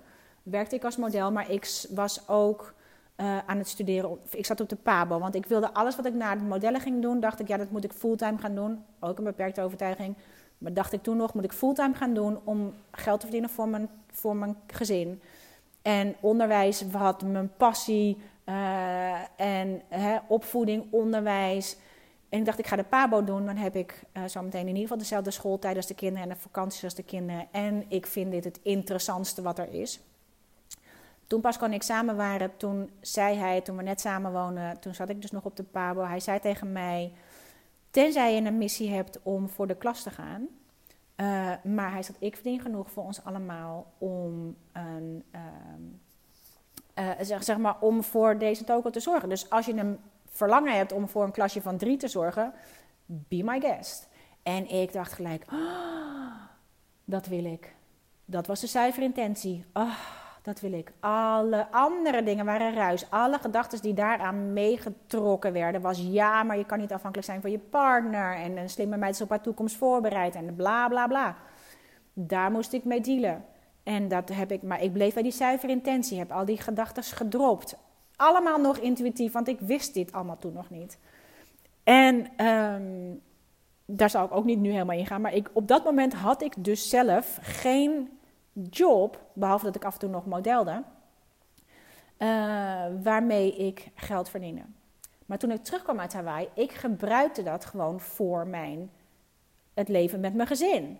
Met, hè, ik kan me herinneren dat de kinderen, we waren, ze waren aan het spelen. Ik was gewoon bezig met uh, dingen in het huis.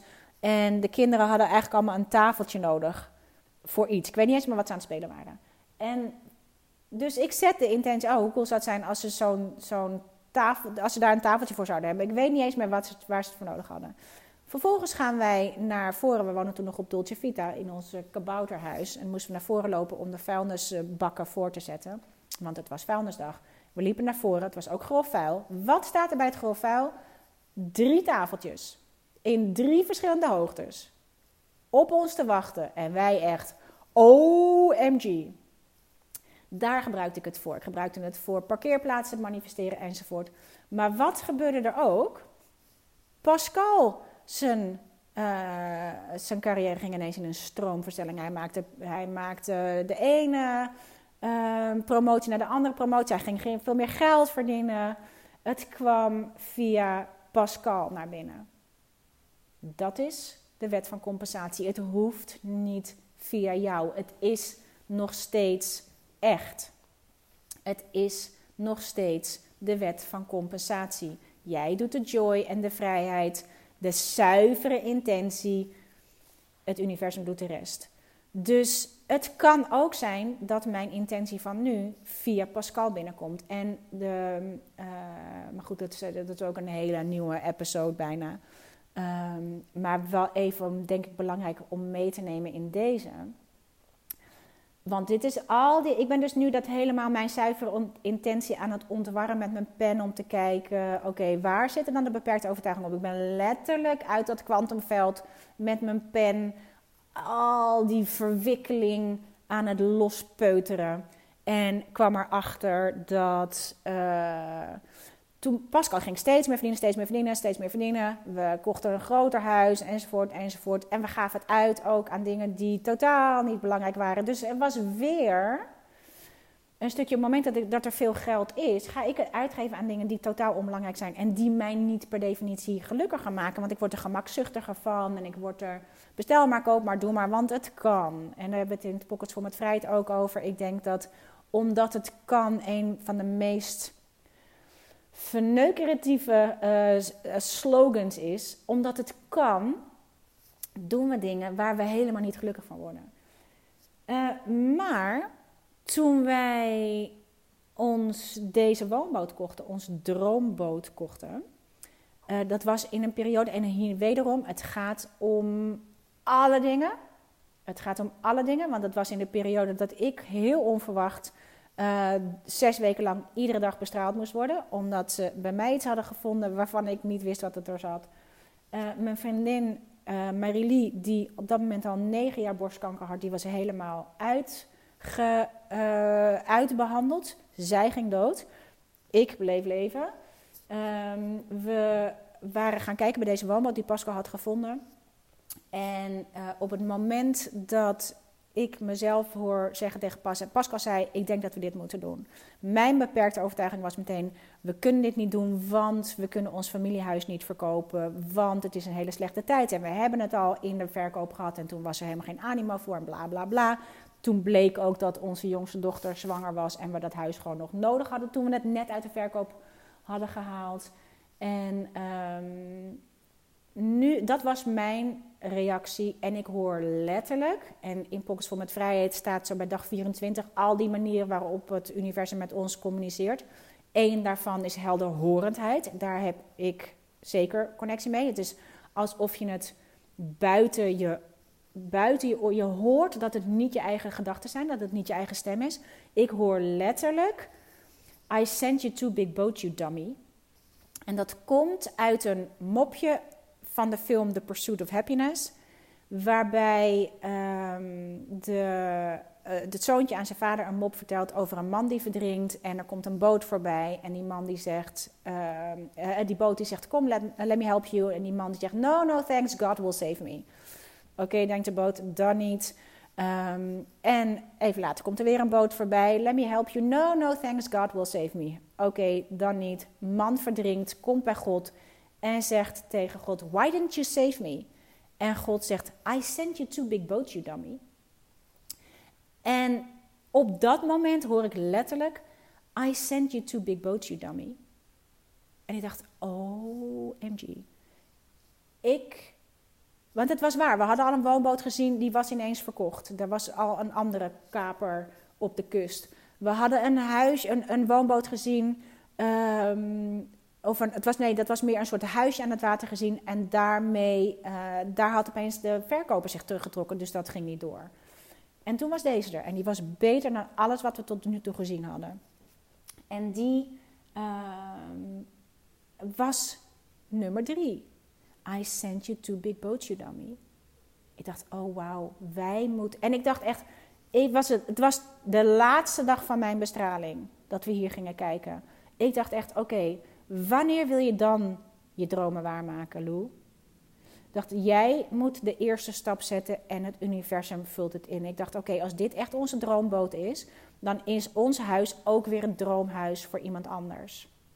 En dat heb ik, hebben we later verkocht uh, met dus die restschuld van anderhalf ton, die nu nog als schuld in onze business zit, omdat we de helft zelf, uh, of omdat we een deel daarvan zelf hadden gefinancierd. En um, dat was één. Wij kochten deze woonboot. En niet veel later uh, ging de boel bij. De, Pascal was, uh, zat in de boord van USG. En die ging niet veel later. Nadat wij ons huis. We hadden op de dag. Het is letterlijk. Het universum heeft letterlijk dingen voor je. En het zit dus echt in alle dingen. Op de dag dat wij het voorlopig koopcontract tekenden voor ons familiehuis om te verkopen, hoort pas dat uh, de, de, de, business waar hij dus al 22 jaar in zat, failliet ging. Die ging mee in de slipstream van het omvallen van Macintosh, van Scapino, van, van uh, V&D. Uh, al die dingen, zij zaten in de retail. Daarmee gingen zij ook om. En hij hoort het op de dag dat wij het voorlopig koopcontract tekenen van de verkoop van ons familiehuis. Weliswaar met een restschuld, maar op de woonboot hebben we veel lagere kosten. Wij konden gelukkig meteen naar de dankbaarheid van OMG, wat fijn dat we niet meer die hoge last hebben. Wat fijn dat we dit huis verkocht hebben. Dus wij konden gelukkig in die dankbaarheid blijven. Wat fijn dat mijn bestraling erop zit. Pascal kwam ineens uh, thuis te zitten ineens was het geld weg. En dat heeft zeker voor Pas uh, echt, is echt wel een traumatische ervaring geweest. En uh, hoe de Porsche werd uh, weggetakeld. Bij, dat, echt, het voor mijn hart, jongen, het breekt aan alle kanten. Hoe, en het is allemaal maar symboliek. En het is allemaal, hè, hij zegt zelf ook, het, het, was allemaal, het hoorde allemaal bij die business. Maar dat was helemaal niet waar zijn hart van open ging. En hij heeft zo vaak gedacht: oké, ik ga dit nog twee, drie jaar doen en dan ga ik echt iets anders doen. Dus het, het universum, het komt je gewoon, het geeft je niet wat je wil, het geeft, wat je, het geeft je wat je nodig heeft. maar dat daar die, die, die Porsche werd weggetakeld van het parkeerterrein bij de business. En het heeft echt een impact gehad op zijn gevoel van veiligheid als het gaat om geld. Dus waar wij nu in zitten, is, uh, daar zit ook een hoop trauma op. En daar zit ook een hoop, en dat is ook allemaal weer goed gekomen. En hij is weer een business begonnen. En, maar de zorgeloosheid die we daarvoor hadden, die is weg. En die zorgeloosheid, die heb je nodig om, uh, om zorgeloos al die nieuwe dingen aan te kunnen trekken. Dus ik voel nu ook in mijn lijf, en dit is de job. Ik voel nu ook in mijn lijf die knoop in mijn maag en het gebroken hart voor hem. En uh, uh, voor de situatie en hoe hij zich staande houdt. En hoe hij zijn dromen weer opnieuw aan het waarmaken is. En hoe we ondanks dat supercoole dingen aan het creëren zijn. En super veel um, significance hebben voor de kinderen en de kleinkinderen. En hoeveel uh, en hoe we gewoon onszelf weer kunnen bedruipen. En hoe cool dat is. Maar hoe, en het is heel fijn om dit even tegen jou, tegen het licht te houden. Zodat we ook weer groter kunnen gaan kijken. En uh, het helpt mijzelf om, om even de liefde voor al die dingen te voelen. En uh, oh wauw man, het is echt, het zit in alle dingen. Het zit echt in alle dingen. Maar daardoor zit er dus ook een hoop ruis op. En dat is voor mij in dit jaar 2023, the year of cash in me, voor mij om te ontwarren en te ontwikkelen en te kijken wat er dan gebeurt. Om me zuiver weer in de dingen te... En, en niet meer langer een struisvogelpolitiek toe, toe te passen, wat ik toch ook heel lang heb gedaan. Um, gewoon niet erheen gaan, maar niet zozeer als in disconnecten ervan, zoals Richard Dodds me leert maar in, als in wegstoppen. Gewoon wegstoppen, er komt dan een keer. En nu uh, zijn we op het moment dat we denken: nee, het moet gewoon. Het is een zuiver verlangen om alles af te lossen. En dat komt nu, in its own right time. Het komt altijd in its own right time. En um, dus dat, ik denk dat ik die. Ik, ben sowieso weer lekker aan het, aan het schrijven, aan het mailen en daarmee aan het bloggen. Linda maakt er voor mij steeds een blog van. Ik vind het heerlijk om je weer even te spreken zo in, uh, uh, in de podcast. Dat gaat sneller dan schrijven. En het is heerlijk om even, je even te kunnen updaten in waar ik sta, waar ik mee bezig ben, waar ik tegenaan loop. Uh, wat er werkt, wat er niet werkt. En ehm, ja, dat. Dus transparantie, honesty, it's such a lonely word. Maar het is zo belangrijk, denk ik, dat we eerlijk zijn over wat er werkelijk speelt. En ik denk helemaal nu natuurlijk in, in social media land, waarbij we toch maar zo'n klein deel laten zien. En zelfs als we daar eerlijker zijn over hoe we ons daadwerkelijk voelen, ons brein is nou eenmaal gericht op wat we zien. Dus die, die gelooft letterlijk wat we zien. Dus je denkt, ja, ik zie het toch, zij zijn toch succesvoller dan ik. Ik zie het toch, zij hebben het toch. Maar laat je niks wijsmaken. Laat je niks wijsmaken. Want ik weet van veel online dat er achter de schermen hele andere dingen spelen. Ofwel achter de schermen zijn ze exhausted. Exhausted, uitgeput uitgeput. Ja, het geld stroomt binnen. Ja, aan de achterkant uitgeput. Ja, het geld stroomt binnen, maar uh, geen tijd voor gezin. En voor mij en voor jou waarschijnlijk ook is het belangrijk, want dit zijn ook dingen die ik terugkrijg in de mail. Uh, is het belangrijk om die twee dingen van elkaar te ontwarren. Want we, daardoor stoten we alles af. En denk, oké, geld staat gelijk aan uitputting. Geld staat gelijk aan je gezin niet zien. Je kunt, wat je wilt doen is: oké, ik wil het succes als het gaat om geld van dat, van dat, van dat, van dat. Um, maar, hè, maar er zijn er ook bij, ik weet, en dat zijn echte grote spelers. En inmiddels is dit wel bekend. Uh, zoals Gabby Bernstein, die suicidaal was aan de achterkant. Maar aan de voorkant nog steeds al haar inspirational post deelde op social media. Omdat zij zegt, ja, maar het heeft geen zin Hè, en het is ook zo, je wil niet vanaf een wond delen, je wil vanaf een litteken delen. Je wil eerst je wonden likken, je wil eerst zorgen dat je heelt. En vanuit die geheelde eh, versie van jezelf, dus met, met ehm, litteken en al, daar vandaan wil je inderdaad delen dat je er doorheen bent. Maar wat ik daar heel kwalijk aan vind, is dat we aan de voorkant dat niet konden zien. Dat zij aan de achterkant suicidaal was. En daar nog steeds, en dat, zij moest worstelen met al die imposter syndrome gevoelens van, maar god, ik ben een, een goeroe en ik kan het zelf niet. En ehm, ik had het zoveel, honesty, it's such a lonely word. Ik had het zoveel fijner gevonden als zij had gezegd, jongens, ik kan het op dit moment zelf niet leven. Ik trek me even terug. Ik moet eerst zorgen dat ik zelf weer in alignment kom. En dan kom ik terug. Er vanaf. Weg. Hetzelfde voor Danielle Laporte. Ze deelt het later in een podcast. Zij was suicidaal.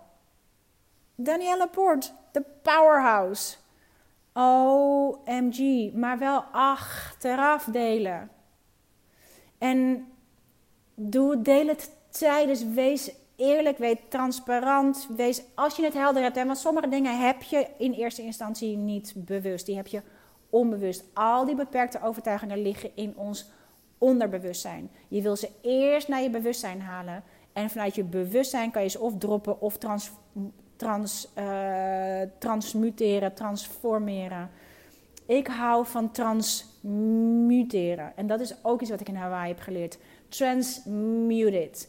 En transmuteren wil zeggen dat je het, en dit is gewoon alchemie, dat je het oplost. En dit is waarom ik ervan hou om het letterlijk op te laten lossen. In, hè, net zoals je een, een water, in het water, heet water, laat je een, een ijsklontje oplossen of een suikerklontje.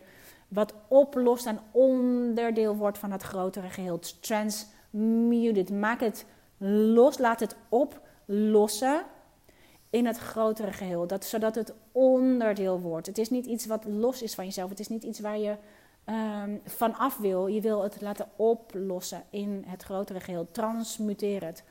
En ik hou, en sommige, ik haal deze, deze dingen dus nu met mijn pen naar boven. Die hele verwikkeling van mijn zuivere intentie. En dit is waarom die intenties je vanzelf wel je beperkte overtuigingen erover um, komen laten zien. Ze zullen je vanzelf laten zien wat jij denkt over je zuivere intentie, over waarom dat allemaal niet haalbaar is en waarom dat allemaal niet kan en waarom dat allemaal niet voor jou is weggelegd. Dan kan je het transmuteren. Dus, uh, en dit is ook waarom als je hoge doelen stelt voor jezelf of hoge, grote dromen hebt voor jezelf, ja, dan komen die beperkte overtuigingen in een stortvloed. Want dat is een te grote stap voor ons om te begrijpen. Dus begin dan kleiner. Dit is mijn uiteindelijke droom. En dat geldt natuurlijk voor mij ook. Met de box van alle dingen en het boek van alle dingen. Het is zo groot uiteindelijk wat ik wil creëren. Maar ik moet bij één ding beginnen. En dat is gewoon beginnen met schrijven. Beginnen met creëren. Beginnen met maken. Um, en alle gedachten die naar boven komen. Ja, dat is aan mij om A, ze uit mijn onderbewustzijn naar boven te hengelen met mijn pen. En ze vervolgens te transmuteren en ze te laten oplossen. En mijn intenties zuiver te, halen, te houden. Nou, darling, zitten we gewoon weer op 1 uur 37 minuten en 57 seconden.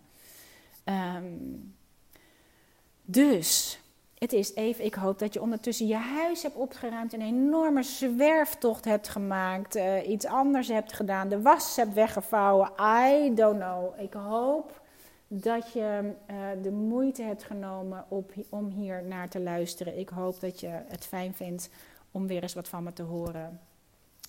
Um, ik vind het in ieder geval heel fijn om je weer even te spreken en je te um, updaten. Ik heb het gevoel dat ik nu uh, gewoon weer verder kan met waar we zijn gebleven. Schrijf je vooral in voor mijn nieuwsbrief. Uh, hè, voor post in je inbox in plaats van post op social media. Um, en Kom ook vooral naar Telegram, want dat is het dichtst bij um, snel met elkaar communiceren, waar je mee, waar je mee kunt doen aan de conversatie, um, zodat je ook iets aan elkaars input hebt. Ik denk dat dat is een van de redenen waarom ik het gecreëerd heb, dat je ook weer dat er ook weer een plek is ah, waar ik heel makkelijk, heel snel even een audiobericht of een videobericht of een, een, inzicht kan delen. Uh, maar uh, waar je dus ook met elkaar kunt connecten. En um, kijk naar je intenties. Zijn ze zuiver? Heb je een zuivere intentie? En welke gedachten? En dus dat je elke keer kijkt: oké, wat is mijn zuivere intentie? Is dit een zuivere intentie? Dat kan je voelen in je lijf. Is het zuiver? Is het een zuivere intentie? Dan kan je heel makkelijk de gedachten eruit filteren die die zuivere intentie in de weg zitten. Die het willen. Um, die het onderuit halen. Die, het, um, die, die zorgen dat het. Die alle redenen waarom het niet zou kunnen wat jij wil.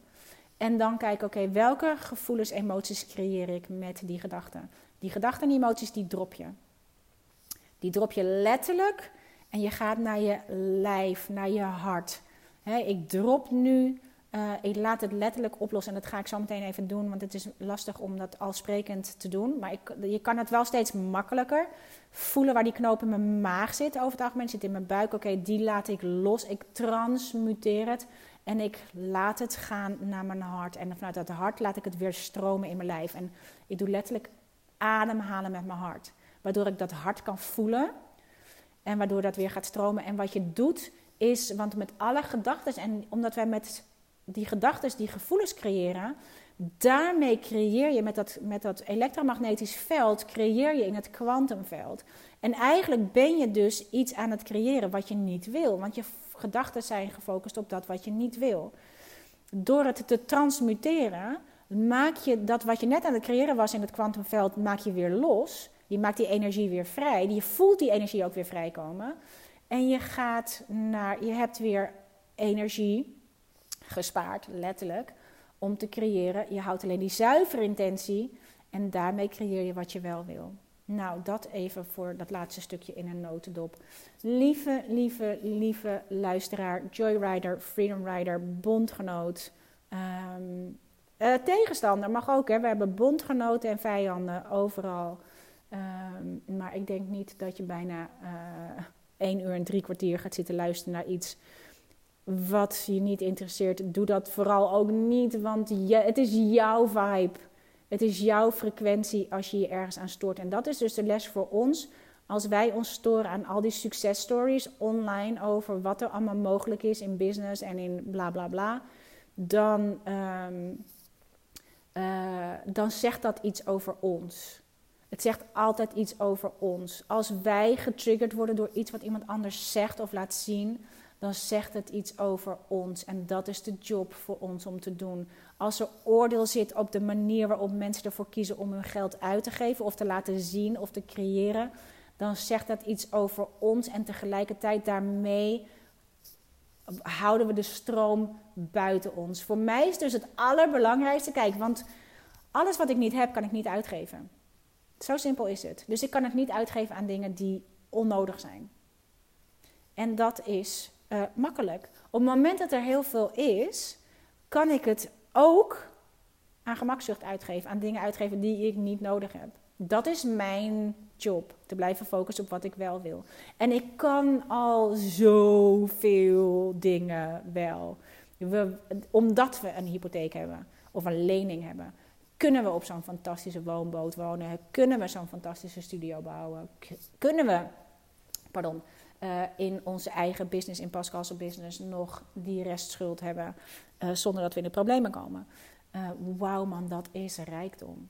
Dat is rijkdom. Het is net zo goed dat het niet, als je iets hebt gemanifesteerd op een hypotheek, maakt niet uit voor de manifestatie. Het is gemanifesteerd. Snap je wat ik bedoel? In mijn optiek is het alleen maar echt gemanifesteerd als je het echt allemaal helemaal zelf hebt betaald. Als je het echt helemaal zelf hebt verdiend. Ik heb het verdiend. Het zit in onze taal. Oh, dat heb je echt verdiend. Ik gun het je. Het is allemaal, allemaal overtuigingen.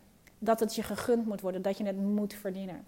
Nou, voordat dit weet, zit ik weer, uh, zitten we weer een uur verder. Dus voor nu Dank je, dank je, dank je voor het luisteren. Laat vooral een review voor me achter, zodat ik de significance kan tracken en tracen van mijn cash flow. Voor, voor mijn cash boek. En um, uh, nou, dank je, dank je, dank je dat je de moeite hebt genomen om hier naar te luisteren als je nog helemaal tot het einde bent. Dank je wel voor het delen van je eigen inzichten. Uh, mail vooral naar support.loenistad.com. Uh, deel vooral hieronder. Kom vooral naar Telegram. En um, tot sprekens. Dag liefjes.